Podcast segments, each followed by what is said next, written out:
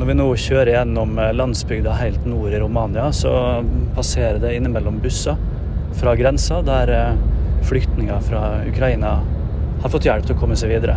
Han som er kjører meg nå, han eh, sier det at det er helt grusomt å se disse små barna som kommer over grensene her i Romania, som er utslitte og som ikke har mat. Og veldig mange av dem, som man ser, de er jo nå uten en far fordi pappa må være hjem, igjen i hjemlandet og krige.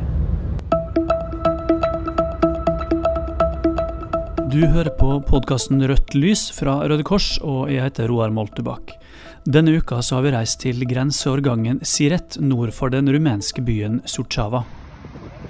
Det er ganske kaldt og snøfillene daler idet vi parkerer bare noen hundre meter fra Ukraina-grensa. Ved et telt som tilhører Romania Røde Kors, så møter jeg Corneliu Dedieu. Han er direktør for distriktskontoret til Røde Kors i Sutsjava. Corneliu har akkurat henta flere frivillige som skal bistå de tusenvis av flyktningene som hver eneste dag kommer over grensa. Uh, now we have uh, here on the border a tent since uh, last uh, Saturday, nine days now, and uh, we have uh, food and we have water and fruits and blankets and uh, a lot of things what they need after they uh, pass the border and after a long waiting time on the other side. So we are here 24 hours a day with uh, volunteers trying to help and uh, we are also gi- giving support to the refugee camps what we have in the in the district with uh, food blankets uh, sleeping bags and things like this what they need Mens vi står og prater, så kommer det nok ei ukrainsk mor med sine barn bort til Røde Kors-teltet for å få litt å drikke og litt mat. Corneliu hilser på dem og smiler med et litt vemodig blikk, for det gjør helt åpenbart inntrykk å møte mennesker i krise dag ut og dag inn. it's not nice meet people in this situation. It doesn't matter if it's a neighbor country or it's from another country.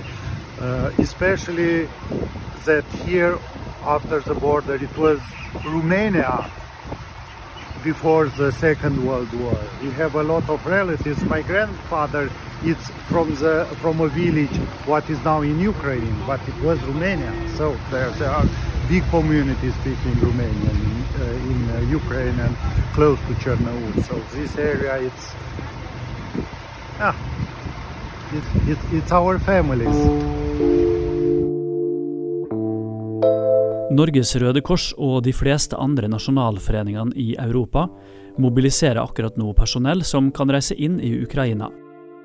Der skal de bistå med helsetjenester, de skal sørge for rent drikkevann, og rett og slett på flere måter gjøre livene lettere for de som er igjen inne i landet. Samtidig opplever nabolandene det samme som Cornelius ser. En enorm frivillighet blant sivile som gjerne vil hjelpe dem som har klart å flykte. Yes, it is like this. There are a lot of of people from from Romania, not not only from Suceava or in the in the district who have a border with Ukraine or uh, Moldavia. Whole Romania, we have people calling from Timișoara and from Prahova, and uh, it's far away from here. It's on the Hungarian border, and they are asking if we can uh, find people who need accommodation and a place to sleep and food and everything like this. We can send them there. So it is uh, normal people trying to help in this way. It's called solidarity. Thank you so much. Very welcome. Du har hørt podkasten Rødt lys fra Røde Kors. Abonner gjerne på vår podkast, så får du varsel når neste episode er publisert.